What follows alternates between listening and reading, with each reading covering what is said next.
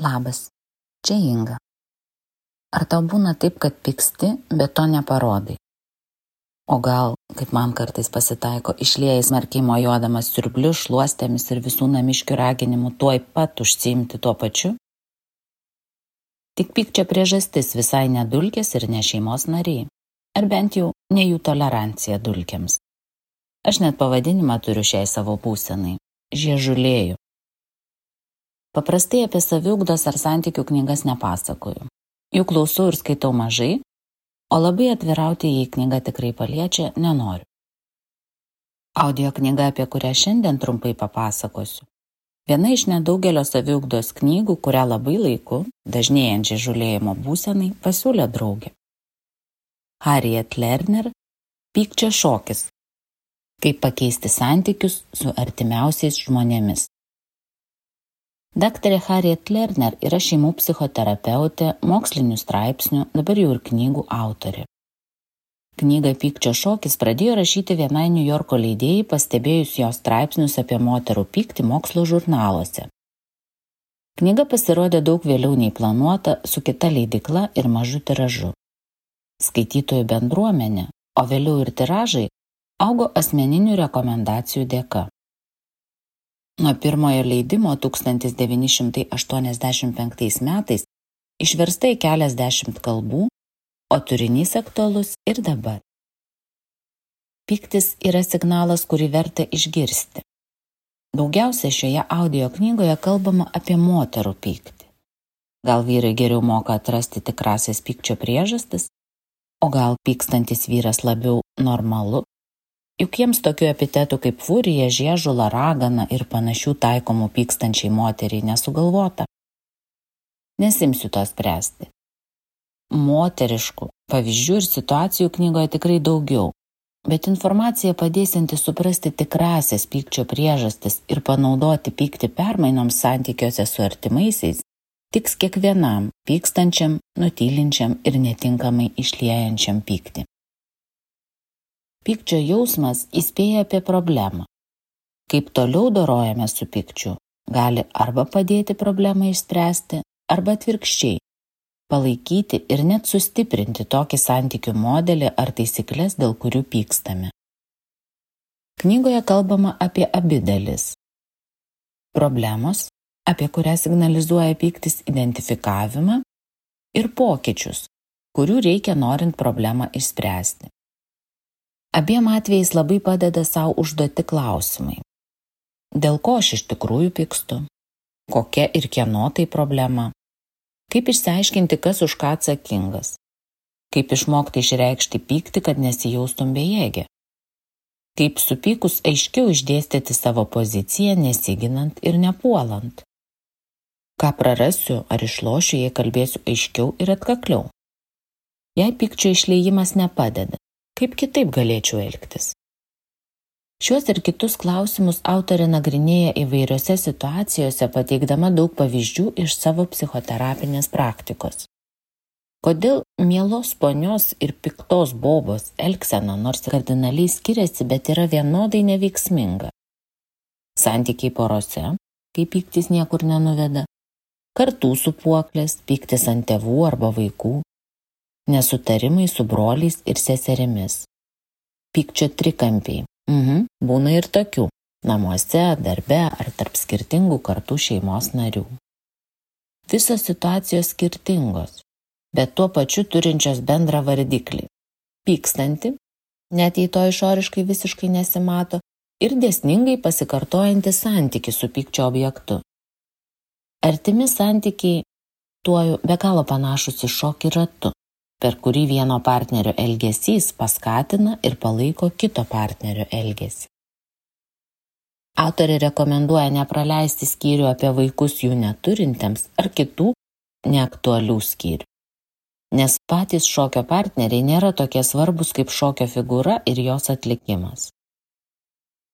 Keletoje situacijų atpažinau save ir savojo pykčio šokio žingsnelius. Atleisk, konkrečių detalių neatskleisiu, bet po atidesnio skaitimo, stebėjimo ir kelių sažiningų atsakymų savo, kai kurių šokių jau nebešoku. Šios audio knygos paskirtis Padėti atsikratyti tokios elgsenos supykus, kuri net neša jokios ilgalaikės naudos. Rekomenduoju klausyti neskubant, pakartojant, paliekant laiko atpažinti situacijose save.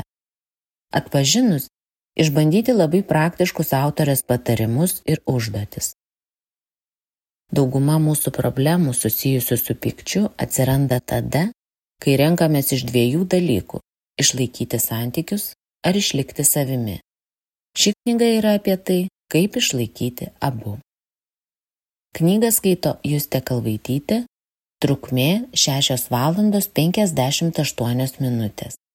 25 minučių trukmės nemokamos ištraukos galėsi pasiklausyti jau toj pat šio audio laiško pabaigoje. Iki kitų kartų.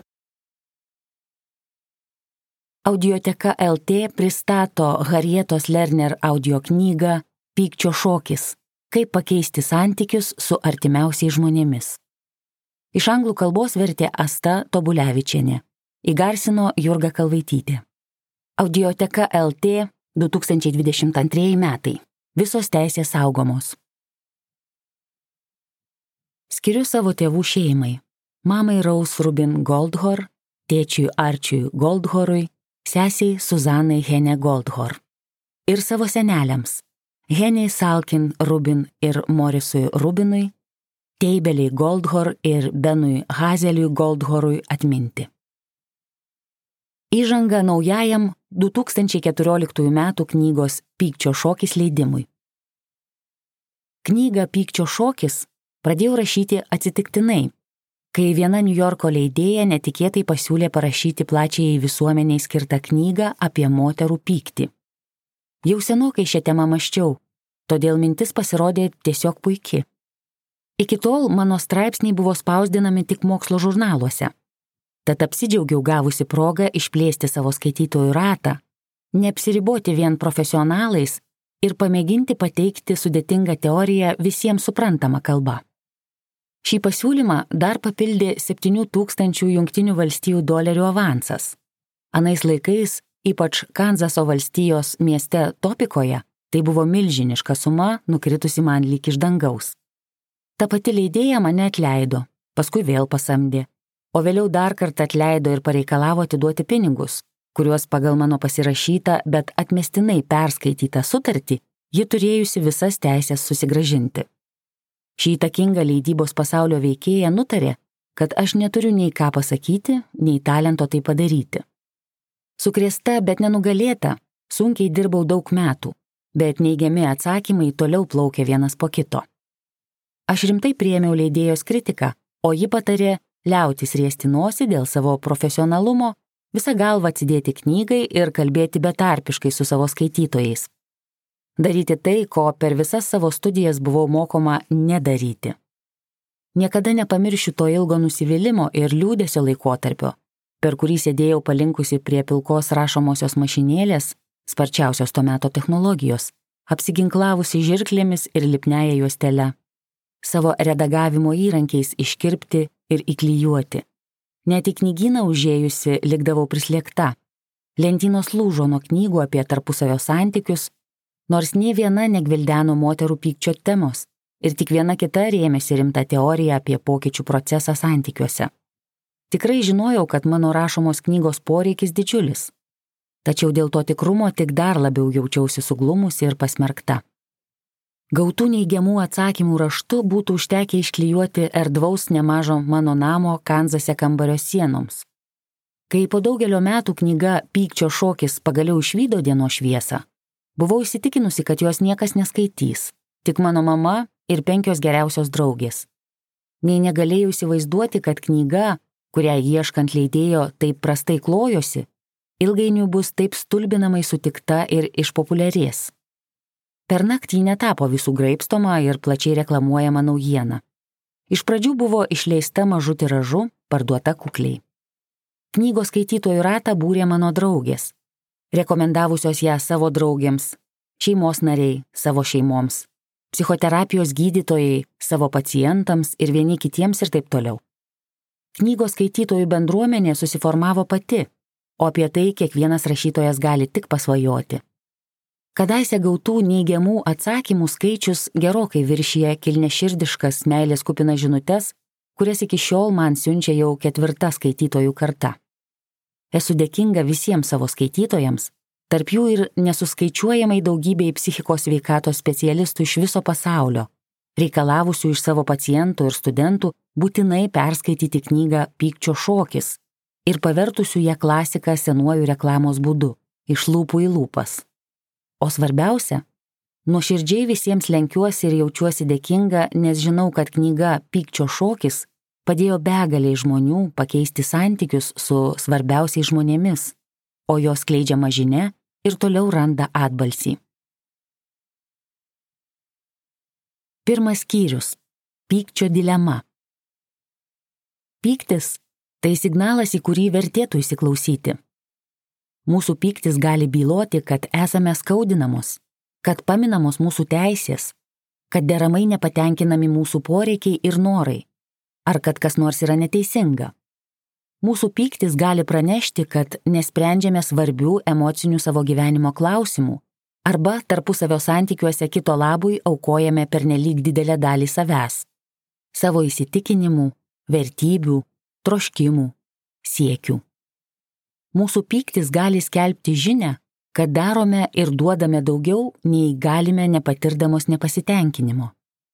Taip pat mūsų pyktis gali įspėti, kad kiti dėl mūsų daro pernelyg daug, nepaisydami mūsų pačių gebėjimų ir augimo. Kaip fizinis skausmas liepia mums atitraukti ranką nuo karštos viryklės, taip ir pykčio keliamas skausmas saugo mūsų aš vientisumą. Mūsų pyktis gali paskatinti mus atmesti tai, kaip mus apibrėžia kiti, ir priimti tai, ką liepia mūsų vidinis balsas. Deja, ilgą laiką moteris nebuvo skatinamos suvokti ir atvirai išreikšti savo pykčio. Juk mes, meilumo įsikūnymas, esame globėjos, ramintojos, taikytojos, santarvės saugotojos. Mūsų priedermė yra patikti pasauliui, jį apsaugoti ir numaldyti. Kartais santykių laikomės įsikibusios taip stipriai, tarsi nuo jų priklausytų mūsų gyvybė. Moterys atvirai liejančios tulžiant vyrų yra ypač įtartinos. Nors visuomenė ir prijaučia mūsų lygybės siekiams, visus tos piktos bobos atstumia. Skirtingai nei didžiavyriai, kurie kovoja, netgi žūsta už savo įsitikinimus, moterys gali būti pasmerktos vien dėl to, kad stoja į taikę, humanišką kovą už savo pačių teisės. Tiesmukai rodydamos pyktį, ypač vyrų adresu, tampame šiurkščios, nemoteriškos, nemotiniškos, seksualiai nepatrauklios arba, kaip dabar sakoma, rėksnės. Tokios moterys merkiamos net ir žodžiais, išvadinamos furijomis, žiežulomis, kalėmis, bjauriomis bobomis, priekabių ieškotojomis, vyrų nekentėjomis, vyriškumo žudikėmis. Jos nemyli ir yra nemylimos. Jos neturi jokio moteriškumo. Savaime suprantama, jūs nenorite tapti viena iš jų. Įdomu tai, kad net ir mūsų kalboje, sukurtoje ir kodifikuotoje vyrų, nėra nie vieno nepadailinto žodžio, kuriuo įvardyjama savo pagėžą ant moters išliejantis vyras. Net ir tokiais epitetais kaip pavainikis ar kalės vaikas nepasmerkiamas vyras, o apkaltinama moteris, jo motina. Tabu jausti ir išreikšti pyktį yra toks stiprus, kad suprasti, kada mes pykstame, nėra taip paprasta. Pyktį parodžiusi moteris greičiausiai bus palaikyta neracionalia arba dar blogesnė. Neseniai dalyvavau specialistams skirtoje konferencijoje, kurioje jauna gydytoja skaitė pranešimą apie mušamas moteris. Ji pateikė nemažai naujų įdomių idėjų ir išreiškė gilų susidomėjimą šią temą. Įpusėjus kalbai, žymus psichiatras sėdėjęs už manęs pakilo išeiti. Atsistojęs pasisuko į vyriškį šalia ir paskelbė savo diagnozę. Na, ji tikra pikta boba. Pasakė ir šventa. Jam užteko pikto balso tono, fakto, kurį jis nustatė, ar bent jau manėsi nustatęs, kad atmestų ne tik pranešėjos mintis, bet ir ją pačią. Vien dėl to, kad mes galbūt būname supykusios, aplinkiniams dažnai sukelia atmetimo ir nepritarimo reakciją. Todėl visai nenuostabu, kad mums sunku suprasti, jog pykstame O ką jau kalbėti apie patį pykčio įsisamoninimą? Kodėl piktos moterys kelia tokią grėsmę kitiems žmonėms? Jeigu jaučiamės kaltos, depresyvios arba nepasitikime savimi, nepasijudiname iš vietos. Nesijimame jokių veiksmų, nebent prieš save. Todėl vargu ar paskatiname permainas asmeninėme ir socialinėme gyvenime. O štai piktos moterys gali pakeisti ir sudrebinti visų gyvenimą. Tai įrodė pastarasis feminizmo dešimtmetis. Tačiau keitimasis sunkus darbas, keliantis nerimą kiekvienam beje ir toms, kurios aktyviai to siekia. Taigi mes išmokstame bijoti savo pačių pykčio ne vien todėl, kad į jį nepalankiai žiūri aplinkiniai, bet ir dėl to, kad jis duoda ženklą, jog būtina keistis. Gali būti, kad imsime savo uždavinėti klausimus, kurie tik stabdys pykti ar sukels abejonių. Ar mano pyktis pagrystas? Ar turiu teisę pykti? Kas iš to, kad pykstu? Ką gero tai duos? Tokie klausimai puikus būdas užčiaupti save ir užgneušti savo pyktį. Panagrinėkime šiuos klausimus. Pyktis nėra nei teisėtas, nei neteisėtas, nei prasmingas, nei beprasmiškas. Pyktis tiesiog yra ir tiek. Klausti, ar mano pyktis pagristas, yra be ne taip pat kaip klausti, ar aš turiu teisę ištrokšti, juk vos prieš 15 minučių išgėriau stiklinę vandens. Aišku, kad mano troškulys nėra pagristas. Ir apskritai, kokia prasme ištrokšti, jei dabar vis tiek negaliu atsigerti. Pyktis yra jausmas. Jis kyla nebe priežasties ir visada nusipelno mūsų pagarbos bei dėmesio. Visi turime teisę jausti viską, ką jaučiame, ir pyktis nėra išimtis. Vis dėlto yra klausimų susijusių su pykčiu, kuriuos naudinga savo užduoti. Dėl ko aš iš tikrųjų pykstu kokia ir kieno tai problema. Kaip išsiaiškinti, kas už ką yra atsakingas. Kaip išmokti išreikšti savo pyktį, kad nesijausčiau silpna ir bejėgė. Kaip supykusi galėčiau aiškiai išdėstyti savo poziciją, nesigindama ir nepuldama. Ką prarasiu arba išlošiu, jei kalbėsiu aiškiau ir atkakliau.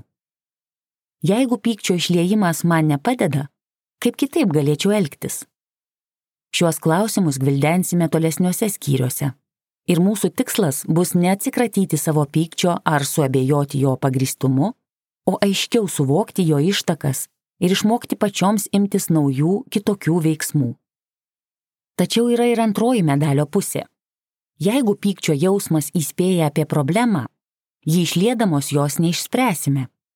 Išliejamas pyktis gali palaikyti ir net sustiprinti senąjį santykių modelį ir taisyklės, todėl niekas nepasikeis. Kai emocinė įtampa labai didelė, mes dažnai veltui stengiamės pakeisti kitą žmogų. Be to, taip elgdamosi, nepasinaudojame turimą galę aiškiau save suprasti ir pakeisti. Senoji pykčio teorija išliek, o nesulaikyk, aiškinanti, kad išsiliejant apsisaugoma nuo užgneušto pykčio keliamo pavojaus psichologiniai sveikatai, yra tiesiog klaidinga Depresijos, menkos savigarbos, savęs išdavystės ir netgi bjaurėjimosi savimi jausmai yra neišvengiami palidovai, jeigu mes priešinamės, bet taikstomės su neteisinga patėtimi, jeigu skundžiamės, bet gyvename išduodamos savo viltis, vertybės ir galimybės. Jeigu susivokiame įkūnijančios visuomenėje paplitusi piktos, priekabios, tulžingos, destruktyvios moters stereotipą. Tos moterys, kurios pyktį išreiškia, bet nesima veiksmų, taip pat kenčia kaip ir tos, kurios apskritai neišdrįsta supykti. Pykčio klystkeliai. Jei senoji elgsena supykus mums nepadeda, tikriausiai priklausome vienai arba abiem toliau aptariamoms moterų kategorijoms. Jei esame mielos ponios, truks plyš stengiamės išvengti pykčio ir kivirčių. Jei esame piktos bobos, Užsiplieskėme nesunkiai, tačiau nuolat įsiveliame ir į nereikalingas kovas, imamės skundų ir kaltinimų, kurie nieko neišsprendžia. Gali pasirodyti, kad šie du elgsenos tipai skiriasi kaip diena ir naktis, bet iš tikrųjų jie abu vienodai apsaugo kitus, susilpnina mūsų gebėjimą suvokti save ir užtikrina, kad viskas liktų po senoviai. Pažvelkime, kaip viskas vyksta. Mielos ponios sindromas Kaip elgiamės, jeigu esame mielos ponios? Situacijose, kurios gali išprovokuoti pyktį ar pasipriešinimą, mes tiesiog tylime. Arba apsiešarojame, tampame savikritiškos, pasijuntame įskaudintos. Nors ir supykstame, pyktį užgneužiame savyje, kad tik išvengtume atviro konflikto. Tačiau viduje lieka užgneuštas ne tik pyktis. Stengiamės aiškiai nepasakyti, ką galvojame ir jaučiame, nes būkštaujame, jog toks atvirumas privers kitą žmogų pasijusti nejaukiai ir apnuogins mūsų skirtumus. Taip elgdamosi visas jėgas pirmiausia atiduodame kitam žmogui apsaugoti ir darniems santykiams išlaikyti. Bet dėja, tai darome aiškaus savęs suvokimo sąskaita.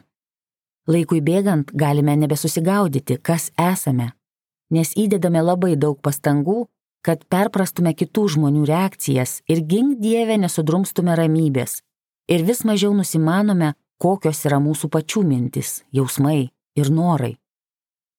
Kuo maloniau elgiamės, tuo didesnį nesamoningo pykčio ir įniršio lobyną sukaupiame. Pyktis yra neišvengiamas, jei gyvenime nuolat nusileidžiame ir taikomės prie kitų. Jei prisimame atsakomybę už kitų jausmus ir reakcijas jei atsisakome pagrindinės atsakomybės už savo augimą ir gyvenimo kokybę. Jei elgiamės taip, tarytum santykiai su kitais būtų svarbiau už save pačias. Žinoma, mums draudžiama tiesiogiai patirti pyktį, nes mielos ponios iš principo nėra piktos moterys. Taip įsisuka uždaras ratas. Kuo labiau nusileidžiame ir taikstomės, tuo daugiau susitvenkia pykčio. Kuo labiau stengiamės susitvardyti, tuo labiau mūsų pasąmonėje auga baimė, kad pyktis, paleistas į laisvę, gali džiokstelėti nelyginant ugnikalnis. Taigi tramdome save vis inirtingiau ir ratas nepaliauja sukesis. Bet kai pagaliau praplyštame, gali pasitvirtinti baisiausiai būkštavimai, kad mūsų pyktis tikrai yra neracionalus ir destruktyvus. O aplinkiniai tikriausiai mus nurašys kaip neurotikės. Taip tikrosios problemos liks nepastebėtos ir ratas pradės suktis iš naujo. Nors mieloms ponioms nelabai sekasi jausti pyktį, jos kuo puikiausiai gali jausti kaltę. Kaltę kaip ir depresiją ar nuoskaudą galime puoselėti norėdamos paslėpti samoningą pyktį. Pyktis ir kaltė yra beveik nesuderinami dalykai. Jeigu jaučiame kaltę, kad kitiems per mažai duodame ir darome, Vargu ar pykstame, kad per mažai gauname. Jeigu jaučiamės kaltos dorai netliekančios mums priskirto moters vaidmens, stokojame ir jėgų ir išvalgos suabejoti pačiu to vaidmens priskirimu ar tuo, kuris jį priskiria. Niekas, nič niekas neleidžia mums suvokti pykčio esmės veiksmingiau nei kalties jausmas ir nepasitikėjimas savimi. Mūsų visuomenė palaiko moters kalties jausmą, tad daugelis moterų vis dar jaučiasi kaltos, kad netarnauja kitiems kaip emocinės pagalbos centrai. Taip pat nelengva išdrysti atsikratyti kalties jausmo ir savo pyktį imti naudoti svarstant ir apsisprendžiant, kas mums pačioms gyvenime tinka, o kas ne. Bet vos tik rimtai susiruošiame keistis, aplinkiniai pasistengia primesti mums kalties jausmą. Mus gali išvadinti egoistėmis, nebrendylomis, egocentrikėmis, maištininkėmis, nemoteriškomis, neurotikėmis, neatsakingomis, nesukalbamomis, šaltomis ir kastruotojomis. Toks mūsų būdo ir moteriškumo juodinimas daugeliui moterų turbūt yra nepakeliamas. Mes mokomos savo vertę ir tapatumą atrasti mylint ir būnant mylimoms, todėl abejonės dėl mūsų patrauklumo ir moteriškumo iš tiesų sukrečia. Kokia didelė pagunda atsiprašyti ir pabrukus uodegą pėdinti į savo tikrąją vietą, kad tik susigražintume aplinkinių palankumą. Kitaip nei piktas bobas, pasmerktas pralaimėti populiarumo konkursuose, o gal net prarasti darbą, mielas ponės visuomenė apdovanoja. Deja, už tai tenka sumokėti didžiulę asmeninę kainą, paliečiančią kiekvieną mūsų emocinio ir intelektualinio gyvenimo aspektą moterys privalančios neikti savo pyktį ir jo nerodyti, pasąmonėje ima laikytis taisyklės. Nieko blogo nematau, negirdžiu, nesakau. Tas vengtinas blogis - tai mintys, jausmai ir poelgiai, galintys išprovokuoti atvirą konfliktą ir net nesantaiką su svarbiais žmonėmis. Kad paklustume šiai taisykliai, turime tapti tarsi lunatikėmis. Mums negalima aiškiai matyti, tiksliai mąstyti, atsiminti, ką norime.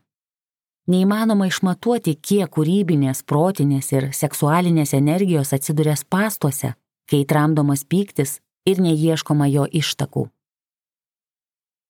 Pikta boba. Jei esame piktos bobos, nesivaržome parodyti savo pykčio ir pareikšti kitokios nuomonės. Tačiau tada visuomenėje, kuri nepalankiai vertina piktas moteris, mums iškyla pavojus užsitarnauti vieną ar kitą epitetą, tarsi įspėjimą nutilti, kad nekeltume grėsmės kitiems, ypač vyrams.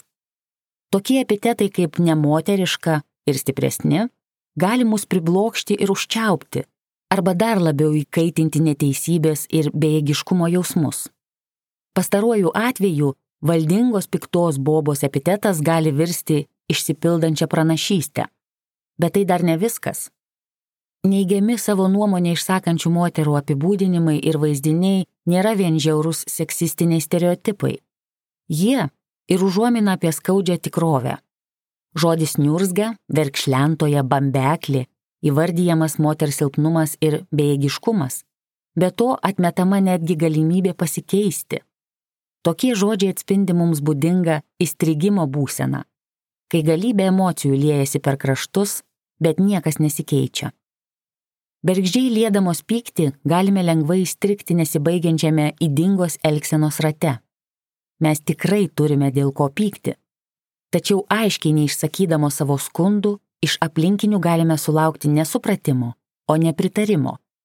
Taip tik sustiprėja mūsų kartėlio ir neteisybės jausmai, o tikrosios problemos lieka neįvardytos. Lik to būtų maža, galime tapti puikiomis atpirkimo oškomis vyrams, kurie purtosi moteriško pykčio ir moterims, kurios trokšta išvengti savojo. Savaime suprantama, reikia išdrysti pripažinti, jog supykai ir apie tai pasakyti kitiems. Problemų ima rastis tada, kai įsisukame į bevaisių kovų, skundų ir kaltinimų ratą, kuris tik palaiko status quo. Taip atsitikus, mes nesamoningai apsaugome kitus savo pačių sąskaitą. Viena vertus, pikta moteris kelia grėsmę. Antra vertus, kai savo pyktį išliejame neveiksmingai, neaiškiai, netikslingai, nevaldomai, ilgainiui tai aplinkiniams gali išeiti tik į naudą mes leidžiamės būti nurašomos ir suteikiame kitiems dingstį, mūsų vertinti nerimtai ir mūsų negirdėti. Tiesą pasakius, net padedame kitiems išlaikyti savitvardą. Ar kada nors pastebėjote, kaip mums vis labiau karščiuojantis ir isteriškai išreiškiant jausmus, kitas asmuo darosi ramesnis, šaltakraujiškesnis, ima mąstyti racionaliau?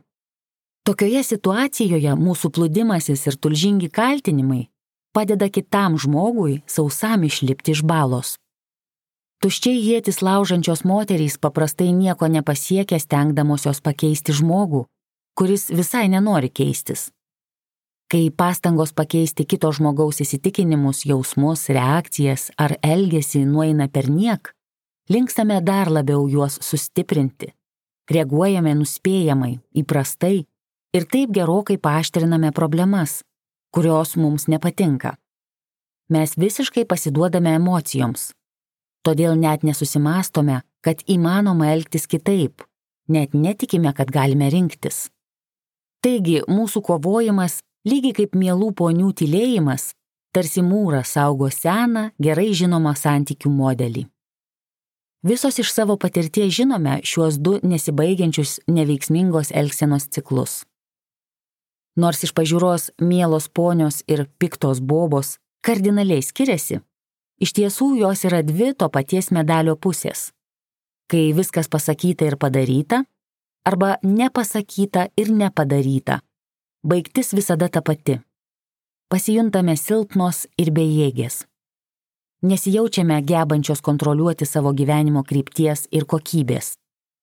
Nukenčia mūsų orumas ir savigarba nes tinkamai neišsiaiškiname ir nesimame spręsti svarbiausių problemų. Viskas lieka kaip buvę. Daugeliui mūsų beveik niekas nepadėjo išmokti naudoti savo pykčiu, kad geriau suvoktume ir sustiprintume savąjį aš ir tarpusavio santykius. Užtat išmokome perdėtai bijoti pykčio, jį visiškai neikti, nukreipti ne į tuos objektus arba atsukti į save. Išmokome neikti bet kokią savo pykčio priežastis, nematyti tikrųjų jo ištakų arba išlieti jį nepasiekiant jokios naudos tokiu būdu, kuris tik palaiko, o nepakeičia status quo. Stenkime atprasti nuo šių dalykų, kad savo pykčio energiją panaudotume savigarbai sustiprinti ir asmeniniam augimui. Kelias prieš akiją.